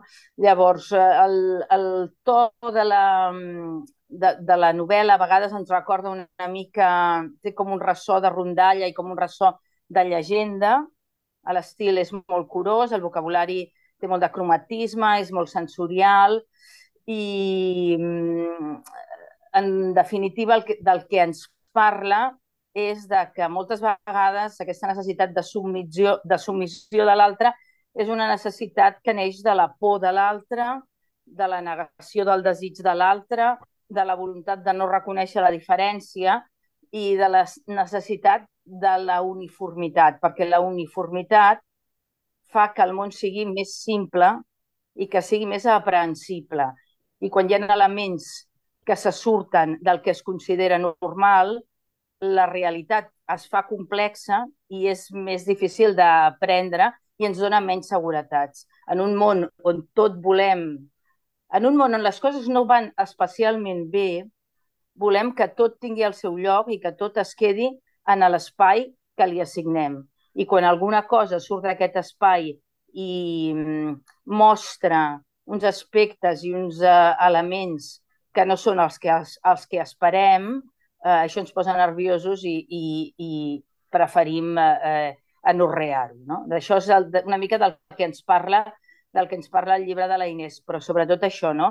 És un llibre on la condició femenina eh, sotmesa explica les seves històries i, i, i la novel·la, diguéssim, dona veu a, a, a aquestes dones del relat que han estat um, que han estat castigades per ser qui són, per ser com són, i, i amb això, diguéssim, eh, eh, hi, ha, hi ha com una transposició no? que l'actor pot, pot veure, diguéssim, que pot extrapolar d'aquest món de ficció al, tristament al món real. Molt bé, té molt bona pinta. A més, tinc la sensació que és la Inés jugant a un joc que domina molt bé, amb la qual estic segur que el, que el resultat és que el resultat val molt la pena. Molt bé. Pablo. Doncs uh, jo us parlaré d'una novel·la que la veritat m'ha sorprès per, perquè ha sigut publicada per, per Anagrama i es tracta de, de la plantilla d'Olga Ram, que ha sigut traduïda per la Maria Rosic del, del danès i, com deia, editada per una editorial que, que m'ha sorprès perquè no deixa de ser una editorial diguem, mainstream, en general, una, una, una editorial que no és molt, molt, molt, molt, molt editora de, de, de novel·les de, de, de fantasia, de ciència-ficció, i aquí ha publicat no només una novel·la totalment de ciència-ficció, sinó que, a més a més, no anglosaxona, que jo crec que és una cosa que cal destacar i que cal també agrair, perquè al final eh, els gèneres fantàstics estem molt acostumats a, a rebre la gran majoria de traduccions del món anglosaxó, i en aquest sentit jo crec que una editorial tan bueno, prestigiosa de, com, com anagrama publiqui no només una novel·la de ciència-ficció, sinó una novel·la de ciència-ficció danesa. Uh, la plantilla és una, una novel·la que tracta sobre una nau espacial, que és la nau 6000, que fa mesos que orbita al voltant d'un planeta, del planeta Nova Descoberta. I aquest, aquesta nau, la nau 6000, uh, viatja amb una tripulació que està formada per humans i per humanoides, que a vegades són difícils de, de distingir. Alguns han sigut han nascut i alguns han sigut creats. Arran d'una exploració eh, s'introdueixen en aquest aparell, en aquesta nau, uns objectes estranys que desencadenen, són com unes esferes, que desencadenen una sèrie d'efectes imprevistos. I no comentarem més enllà d'això perquè no, no, no vull fer spoilers però uh, sí que podem dir que a partir d'un determinat moment aquestes, aquests éssers humans i humanoides comencen a plantejar-se unes qüestions que tracten sobretot sobre la seva humanitat, sobre el paper del que estan fent en aquesta nau, perquè han deixat la Terra, i ho fan amb un to que és molt interessant, jo crec que és, per exemple, el, el tema més interessant de, de la novel·la, perquè és un estil fragmentari, o sigui, és un dels punts claus, perquè la novel·la està feta de petites declaracions, són declaracions dels tripulants, d'aquesta gent que viatja que viatja en aquesta nau espacial i que fan una feina incerta. No, no sabem ben bé què fan i, i quin és l'objectiu, però a, partir d'un moment començar a reaccionar de manera diferent i, i començar a plantejar-se diferents qüestions, com alguns que han viscut eh, al planeta Terra comencen a, a, a sentir nostàlgia no? per aquest passat al, al planeta Terra i altres que descobreixen que han sigut creats i que no són iguals que, el, que els humans també es plantegen què implica haver, haver, haver sigut creats i no haver viscut aquest, aquest origen no? al, al, planeta, al planeta Terra. Aquí, a més a més, es nota que, que, que l'autora és poeta perquè és capaç, és capaç de, de posar en un estil molt evocador sentiments molt humans. És una novel·la que jo sempre dic que, que, que és existencialista. A mi, per exemple, les novel·les de ciència-ficció que tracten amb un to existencialista, el que es fa és eh, ser humans, són, són novel·les que m'agraden molt. I aquesta ho fa. A partir, com dic, de, de, de, de les declaracions d'aquesta tripulació, eh, l'autora eh, comenta no? aquest, aquest, aquest, aquesta qüestió de, de, de, que ens fa ser humans, sobretot si, si, ho, si, ho, si ho comentem a partir de, bueno, de, de gent que, que, que tenen consciència, però com, com, com he dit, alguns sí que són humans amb, amb, amb, amb, un, amb un fonament clar, no? que han, han, han nascut d'altres humans, i d'altres que tenen la mateixa consciència, els mateixos sentiments, i gràcies a la novel·la veiem que els mateixos sentiments doncs, doncs, doncs no... Bueno, hem de decidir, són humans o són semblants als humans o són una cosa diferent. A mi m'agrada molt, com deia, aquest tipus de, de novel·la existencialista perquè la ciència-ficció és una temàtica que, o sigui, perdó, és un gènere que, que, que li funciona molt bé aquest, aquest tipus de, de, de novel·les. És un gènere molt útil per parlar del que es fa humans, sobretot quan ens enfrontem amb, amb altres tipus d'intel·ligència, siguin humanoides, sigui intel·ligència artificial o, o el que sigui. I és per això que és una novel·la que, que en aquest sentit jo crec que és el, el seu punt, el, el seu punt, el, ai, perdó, el seu punt fort, no? el, el tractar eh, de manera poètica, subtil, amb declaracions fragmentàries, eh, que és el que ens fa humans. Però no només és això, també és una novel·la que, bueno, que, que tracta temes com el capitalisme, perquè com, com comentava, en aquesta nau i cap al planeta on van, fan una feina que no, no sabem ben bé què és i que, a més a més, a vegades pues, eh, bueno, és una crítica al capitalisme que podem fer també ara, perquè ens trobem en un moment del capitalisme on eh, hi ha feines, eh, gràcies a la tecnificació o en general a, a, la, a la divisió del, del, del treball, sobretot digital, que, que ens preguntem si els propis treballadors entenen el que estan fent. No? Pues aquí també tenim aquest tipus de, de, de qüestions. En general, ja dic que és una novel·la molt recomanable, és molt curta, només està feta per aquests fragments i eh, i, i sí que és veritat que potser té algun punt en contra, a mi no, no, no, no, no tot m'ha agradat. Per exemple, al, al ser una novel·la que està feta per, per aquestes declaracions de la tripulació, a vegades és molt etèria, perquè no hi ha una introducció i, i un nus i un desenllaç. Directament comences amb aquests, amb aquests testimonis que van explicant el seu, um, bueno, el que, el, que, el, que passa, el que passa en aquesta nau. I pot enganxar o pot que la gent que, en, que vulgui una introducció més ràpida diguin no, no, no, no, no, no sé com, què m'està explicant. A mi m'ha funcionat l'estil i, i el to, i sí que és veritat que és una mica eteri, però en general aquesta crítica al, a la societat tecnificada, al capitalisme i aquestes qüestions de, de, del que es fa ser humans, de com tracta la nostàlgia, el sentiment de pèrdua, la vinculació amb el, amb, amb, amb, amb, amb el planeta Terra, en general d'on vivim, fa que sigui una novel·la que jo recomani molt. Sí, jo també l'he llegit Eh, en aquest cas m'ha agradat una mica menys que el Pablo, però també aprecio molt l'estil perquè es nota que no és una autora anglosaxona perquè potser veu d'altres tradicions i és, és com una, eh, és una lectura molt, molt enriquidora en aquest aspecte. I per, per aquest, tots aquests temes que parle i la perspectiva que ho fa i, i la manera poètica que ho, es, que, que, que ho explica i quan hi entres és, és molt evocadora i has d'estar-hi, és a dir, no és una novel·la que pots recomanar a tothom perquè has d'estar molt, has d'entrar molt i has de, i has de seguir el joc molt bé, però crec que que és una, és una proposta interessant. Molt bé. Jo la vaig començar i no hi vaig connectar gens, però segurament no era el moment. Vull dir que no, no, no li tinc... No, no ho tinc en contra de la novel·la i, i sent que no és molt, molt llarga, és molt probable que li doni una altra oportunitat. Eh, Edgar, et toca. Sí, doncs ara que parlàvem a la tertúlia de clàssics, doncs jo porto un clàssic i crec que, que una mica del que parlàvem de que hi ha clàssics que enveixen bé i enveixen malament, en aquest cas jo crec que és l'exemple, hi ha una cosa curiosa, que hi ha, hi ha contes que han, és, eh, és un llibre de contes, Les dues direccions del vent, de la Úrsula K. Le Guin, traduït per la Blanca Busquets i publicat per Ragsberg, i crec que és l'exemple perfecte de que, hi ha, de que hi ha obres que, que, que enveixen bé i, enveixen, i altres que enveixen malament. En aquest cas, hi ha contes que han, que han envellit malament i hi ha, ha altres que han envellit molt bé. Entre els que han envellit bé, i parlaré sobretot dels que han envellit bé, perquè no tenim tant temps per parlar de tots, perquè al final, quan parlis de, de contes, eh, has de fer una mica de selecció, per, i crec que és, una, és un que és una mica irregular, que hi ha, hi ha, hi ha els i baixos, però crec que els contes més interessants són els que segurament també parlen de qüestions que també ens afecten avui dia i que tenen vigència amb, amb nosaltres. I és el cas, per exemple, del conte segurament més famós, no només de la Leguin, sinó de la ciència-ficció, que és dels qui se'n van d'Homeles, que, que explica, doncs, és un psicomite, com, com ho diu la l'Ursula K. Le Guin, que, que provoca doncs, un dilema moral que, és, que encara avui dia és molt potent que és d'una ciutat en el qual la felicitat i la prosperitat de tota la població se sostea per la tortura d'un nen. Hi ha un nen que està tancat en una masmorra i, i això fa que, que tota, la societat, tota la resta de societat eh, pues, sigui feliç.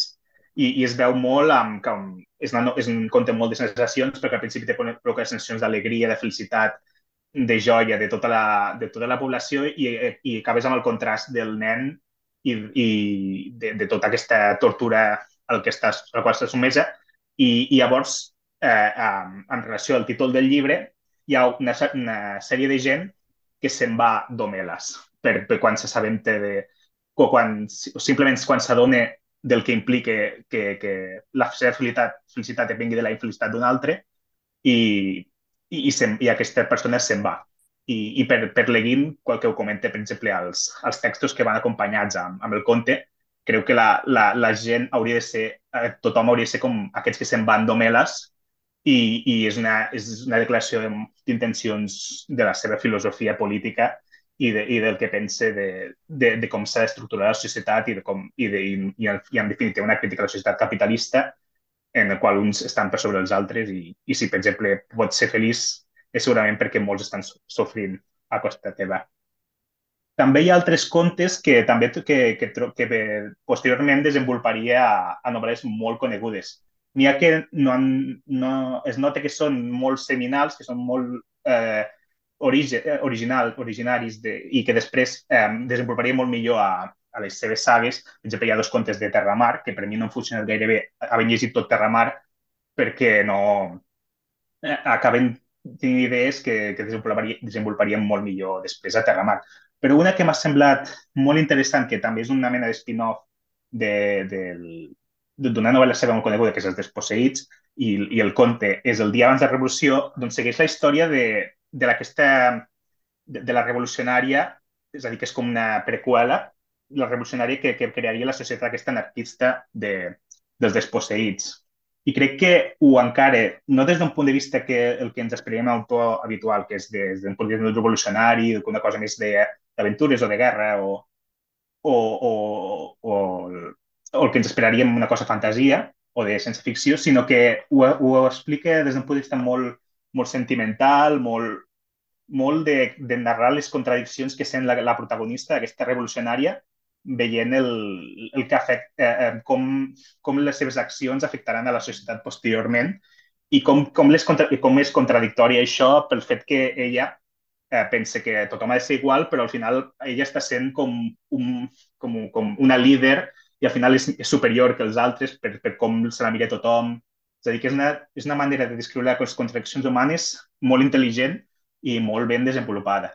I també el tercer conte que us volia explicar, que m'agrada molt, és el collaret de Semley, que, que en, en el seu cas, que no, no he llegit el, el món de Rocanon, que és, que és el, el, llibre, el llibre que després escriuria després de fer aquest conte, però ja el, el collaret de Semley m'ha agradat molt per com narra el world building de la, de, del planeta de, on, on hi ha aquest eh, ambaixador que és Rocanon, per això la novel·la és el món de Rocanon, un ambaixador de la humanitat, de l'Ecumen, que és com el, el món que, que rodeja moltes alt, és com l'organització que, que, que també apareix en altres novel·les seues, i, i narra molt bé com les, eh, les relacions entre els éssers d'aquesta espècie i, i, en el cas, i en aquest cas narra la història d'una princesa d'una d'aquesta espècie, perquè en aquest món hi ha quatre espècies diferents que conviuen entre ells, tenen com diferents um, nivells de poder, en aquest cas um, um, seguirem la història d'una princesa que és com de l'alta societat, és a dir, que és de la, la raça dominant, i, i en el qual, doncs, però que a la vegada és com una el típic aristòcrata decadent, no? Que, no? que la seva família s'ha empobrit i, i, i, i, i vol demostrar que vol demostrar la, la, la seva superioritat i, i com superioritat moral almenys i, i donar a la seva família doncs, recuperar la glòria de la seva família i en aquest cas ho vol fer recuperant un collaret que, que pertanyia a la seva família i això el, la portarà a una aventura, això, aquest sí que és una mica més d'aventures, per, per aquest món i acabarà doncs a, a, adonant-se que d'aquest xoc entre cultures i que, tota la, i que totes aquestes coses que potser li preocupen amb ella doncs ara vistos en perspectiva doncs li són nimietats, no? I, i narra molt bé com, com, com pots, que, a vegades nosaltres ens, ens mirem des d'un punt de vista i, i que potser si, si, en, si mirem el món que ens envolta, doncs les coses són més complexes o, o els nostres problemes són menys, com, més petits del que, del que són, no? I, i m'ha donat moltes ganes de llegir el Modern Canon, que crec que ja Reichsberg va, va anunciar que en breus la, la publicaria, que espero que molt, eh, molt en breus, perquè tinc moltes ganes de llegir-la. Jo he llegit, jo he llegit amb, amb, amb l'Edgar el, el relat per fer una lectura conjunta i només dir molt breument que jo eh, destaco els mateixos tres contes i a part, eh, els que se'n van d'Homeles, és la tercera vegada que el llegeixo i sent la tercera vegada, i a més és una història que ja tothom sap, eh, quan llegeixo l'últim paràgraf, l'última frase d'aquesta gent que decideix marxar en, en, en, en un en, en un destí incert, a mi sempre em genera la mateixa sensació de, això d'un calfred que, que no simpatitzo molt amb aquesta visió d'aquesta gent que decideix marxar per, per, per, no, per no seguir vivint aquesta felicitat a costa de, de la infelicitat d'un altre ésser humà. Molt bé, moltes gràcies, Edgar. Um, doncs anem a ressenyar l'últim llibre del que parlarem, que en parlaré jo i faré una miqueta de trampa, perquè faré una ressenya de dos llibres en un. El que passa és que són una duologia, són dos llibres curts que van molt un darrere de l'altre i que en realitat jo crec que és molt difícil analitzar-los sense pensar en ells com un tot. Es tracta de, de dos llibres de la Becky Chambers, traduïts per l'Anna Llisterri i publicats per Mai Més, que són Salm per als construïts en terres salvatges, que van publicar mai més a l'octubre del 22, i Pregària per als tímids com els arbres, que aquest sí, aquest l'hem llistat avui a la nostra llista de novetats i, i ha sortit ara, al, al febrer de 2023. Ai, com qui diu. Són dos llibres que, que són molt interessants i que jo recomano molt perquè trobo que és un tipus de ciència-ficció que en català se n'ha parlat poc i que està una miqueta marcant tendència dintre del que és el món anglosaxó. Jo no sé si tots els llibres d'aquest tipus de ficció al que ara em referiré, no? que una miqueta s'ha etiquetat com a hop punk, no? una miqueta el punk de l'esperança, uh, valen la pena o no, no tinc ni idea, i sé que la Becky Chambers una miqueta és, és la, un, un, un dels símbols o una de, una de les insígnies d'aquest tipus d'aquesta etiqueta, però aquests dos, si més no, trobo que valen molt la pena i que són un bon exemple, que val la pena donar-los una, una ullada. Tots dos ens parlen dels de, mateixos dos personatges i el món que els envolta, un és el mongi Dex, no? i dic mongi um, com, a, com a utilitzant el, el sufix aquest no binari, no? la marca de gènere no binari, de fet, al llibre contínuament s'hi refereixen com Germani-Dex, no? i és una idea que està molt present en el llibre. Ja veurem per què, i, i aparco un moment aquesta idea. I un robot, el robot Moixeró, que en un moment donat del primer llibre es troba amb ell, es fan amics i comencen a fer un viatge tots dos plegats. De fet, el primer llibre una miqueta és la història de com es coneixen ells dos, dintre de, si recordeu, el primer llibre dit que es deia Salm per als construïts en terres salvatges, no? estem parlant d'un món que es diu Panga, que no és la Terra, no? i que um, està dividit com en diferents regions. Una d'aquestes regions és totalment salvatge.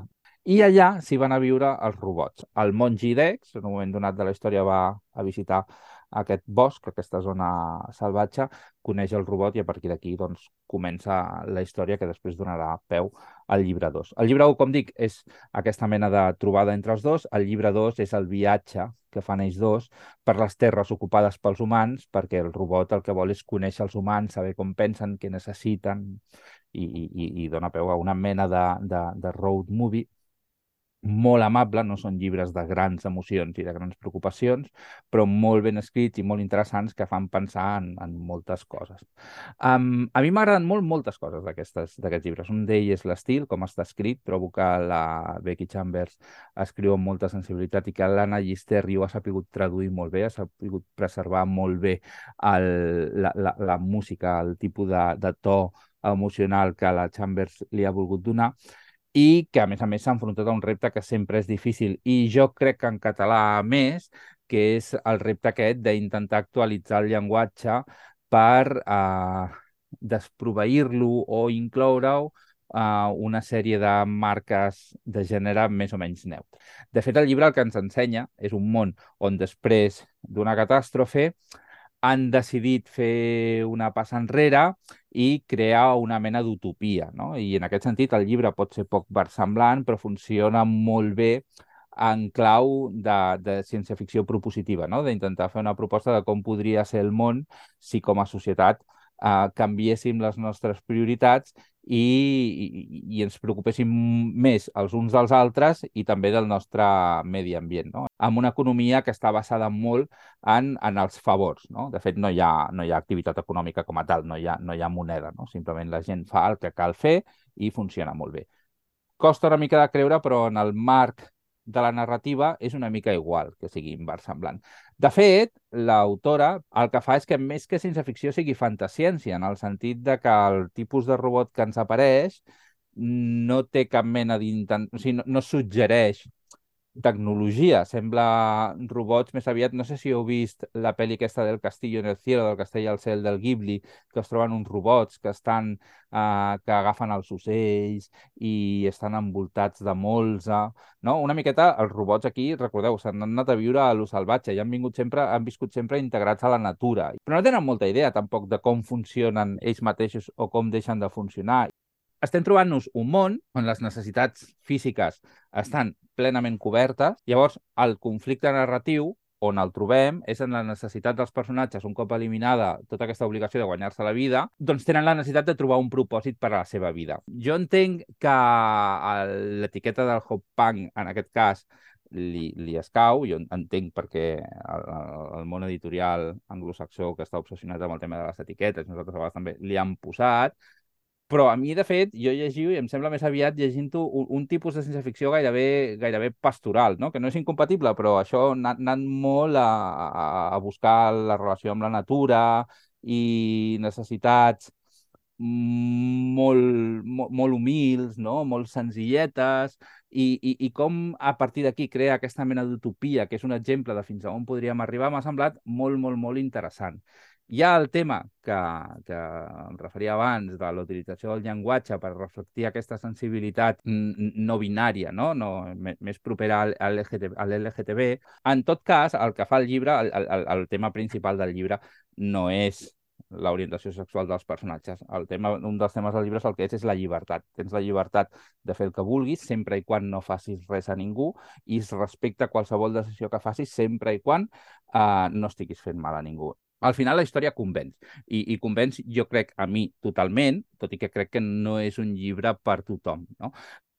Crec que controla molt bé el to i l'estil del llibre. Em sembla una obra que té, una obra que té molta personalitat, i em sembla un exemple molt interessant d'un tipus de ciència-ficció amb esperit de transformació al que estem poc acostumats. Abans el professor Soldevilla esmentava, referint al còmic, que, que a vegades estem una mica farts d'aquestes distopies, d'aquestes coses apocalíptiques. No? I aquí està fent una proposta que és molt diferent. Està dient, no? puc fer servir la ciència-ficció per criticar indirectament, no per criticar posant èmfasi en lo negatiu, sinó per ensenyar lo positiu o el que jo crec que és lo positiu. És un llibre que, que es llegeix molt a gust, que és interessant i que ensenya una altra manera de fer ciència-ficció, segurament no seria bona idea que tota la ciència-ficció fos així, però que és molt interessant que n'hi hagi així també. I aquesta és la meva recomanació. Doncs, amb aquestes ressenyes i aquest programa us deixem i us deixem amb les recomanacions de literatura fantàstica juvenil de la Júlia Baena. Literatura juvenil amb la Júlia Baena. Avui parlarem de novel·les juvenils fantàstiques censurades als Estats Units, el país de la llibertat. Per situar-nos una mica, l'Oficina per la Llibertat Intel·lectual de l'ALA, que és l'Associació de Bibliotecaris als Estats Units, rep informes de biblioteques, escoles i mitjans de comunicació sobre intents de prohibir els llibres a les comunitats de tot el país. El que fan és compilar llistes de llibres impugnats per tal d'informar el públic sobre els esforços de censura que afecten a biblioteques i escoles.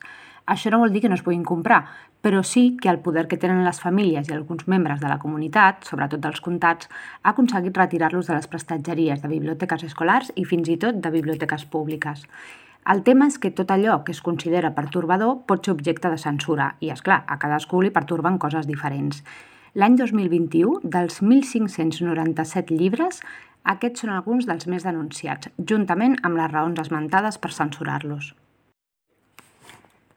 El capità calçotets de Daft Pilkey, eh, la raó és que, segons el que comenten, fomenta un comportament disruptiu, també per incloure una parella del mateix sexe, violència, llenguatge ofensiu inadequat. Seguim amb Un pont a Terabitia, un clàssic de Catherine Patterson. Les raons són ocultisme, satanisme, llenguatge ofensiu, violència. Eh, ja se sap que tots els nens que la llegeixen acaben degullant animals amb un altar. Això, clar, es pot fer extensiu a qualsevol llibre de màgia.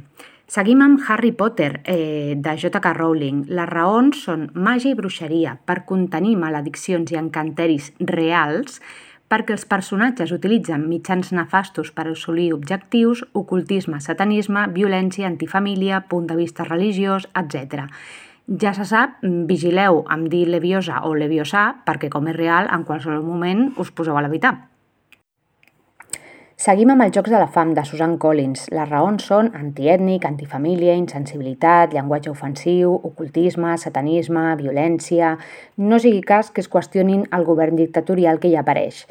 També la coneguda saga de vampirs Crepuscle de Stephanie Meyer, aquella on els vampirs són tots tan guapos i brillen i tot, eh, està censurat per ser més hortera que la monarquia? No. Per fomentar l'amor romàntic on la noia ho deixa tot, família i estudis per seguir el noi? Tampoc. Les raons són violència, punt de vista religiós, sexualment explícit, inadequat. Els còmics també s'hi veuen afectats. Per exemple, el conegut Bond, de Jeff Smith, eh, per les següents raons. Punt de vista polític, racisme, violència. Mm, les monstrorrates no són pacífiques, però és que si no el còmic seria un avorriment. Després, eh, la més que previsible eh, saga de Brian Vaughan i Fiona Staples, aquest està clar que pillarà per tot arreu. Les raons són antifamília, nuesa, llenguatge ofensiu, sexualment explícit, inadequat... Lo d'antifamília és una cosa que la veritat és que em té, em té bastant intrigada. Efectivament, també trobem històries de terror. Les històries de por per explicar la foscor, les raons ja s'ho podeu imaginar, perquè si Harry Potter és satànic, així que fantasia no i terror tampoc. I els clàssics de la distopia, també llegits per joves, es veuen afectats. Per exemple, Un món feliç, de Huxley, per insensibilitat, nuesa, racisme, punt de vista religiós, sexualment explícit, etc. O eh, El conte de la criada, de Margaret Atwood, per les següents raons, blasfèmia, vulgaritat i matisos sexuals. El tema dels ciutadans comprant nens, això ja tal. I us direu, bé, però això a casa nostra no passa. Doncs sí, també existeix la censura a casa nostra, especialment quan a personatges homosexuals i transexuals però, com hem vist últimament, també eh, quan a tot allò que es consideri moralment perillós per a infants i joves amb tota la subjectivitat que això comporta. Adults, editorials, censors en general, deixeu de subestimar la intel·ligència dels joves lectors i si cal que tingueu una xerrada sobre moral amb el vostre fill o filla, feu-la i deixeu la literatura en pau. I acabem amb una recomanació que de ben segur alguna família preocupada per la dieta sana i al·lèrgica al sentit de l'humor voldrà censurar. La guia màgica d'autodefensa amb galetes, de T. Kingfisher, el pseudònim d'Úrsula Vernon. Nominada a guardons com el World Fantasy, l'Eisner, ha guanyat els premis Locus, Nebula, Dragon, Lodestar, etc etc etc, inclosa una gran quantitat de llistats de llibres recomanats per bibliotecaris i llibreters. Publicat al febrer per Indòmita, el segell juvenil de Raig Verd, ens explica la història de la Mona, una noia que fa màgia però només hi funciona amb el pa. Algú està matant mags a la ciutat i la Mona n'és un objectiu. Divertit, intel·ligent, imaginatiu, ben escrit i irònica. Ho té tot, forma i contingut, trama i personatges. És una joia de llibre que no us podeu perdre i que ja ha passat al meu top 10 de fantasia juvenil de tots els temps. Gràcies per escoltar-nos, a baix la censura i amunt la literatura. Esperant el cometa és una iniciativa de l'Associació Cultural El Biblionauta, una entitat sense ànim de lucre dedicada a la divulgació de la literatura de ciència-ficció i fantasia en llengua catalana. Si us agrada el que fem i ens voleu ajudar, us en podeu fer mecenes al biblionauta.com. Moltes gràcies i us esperem al següent episodi d'Esperant el cometa.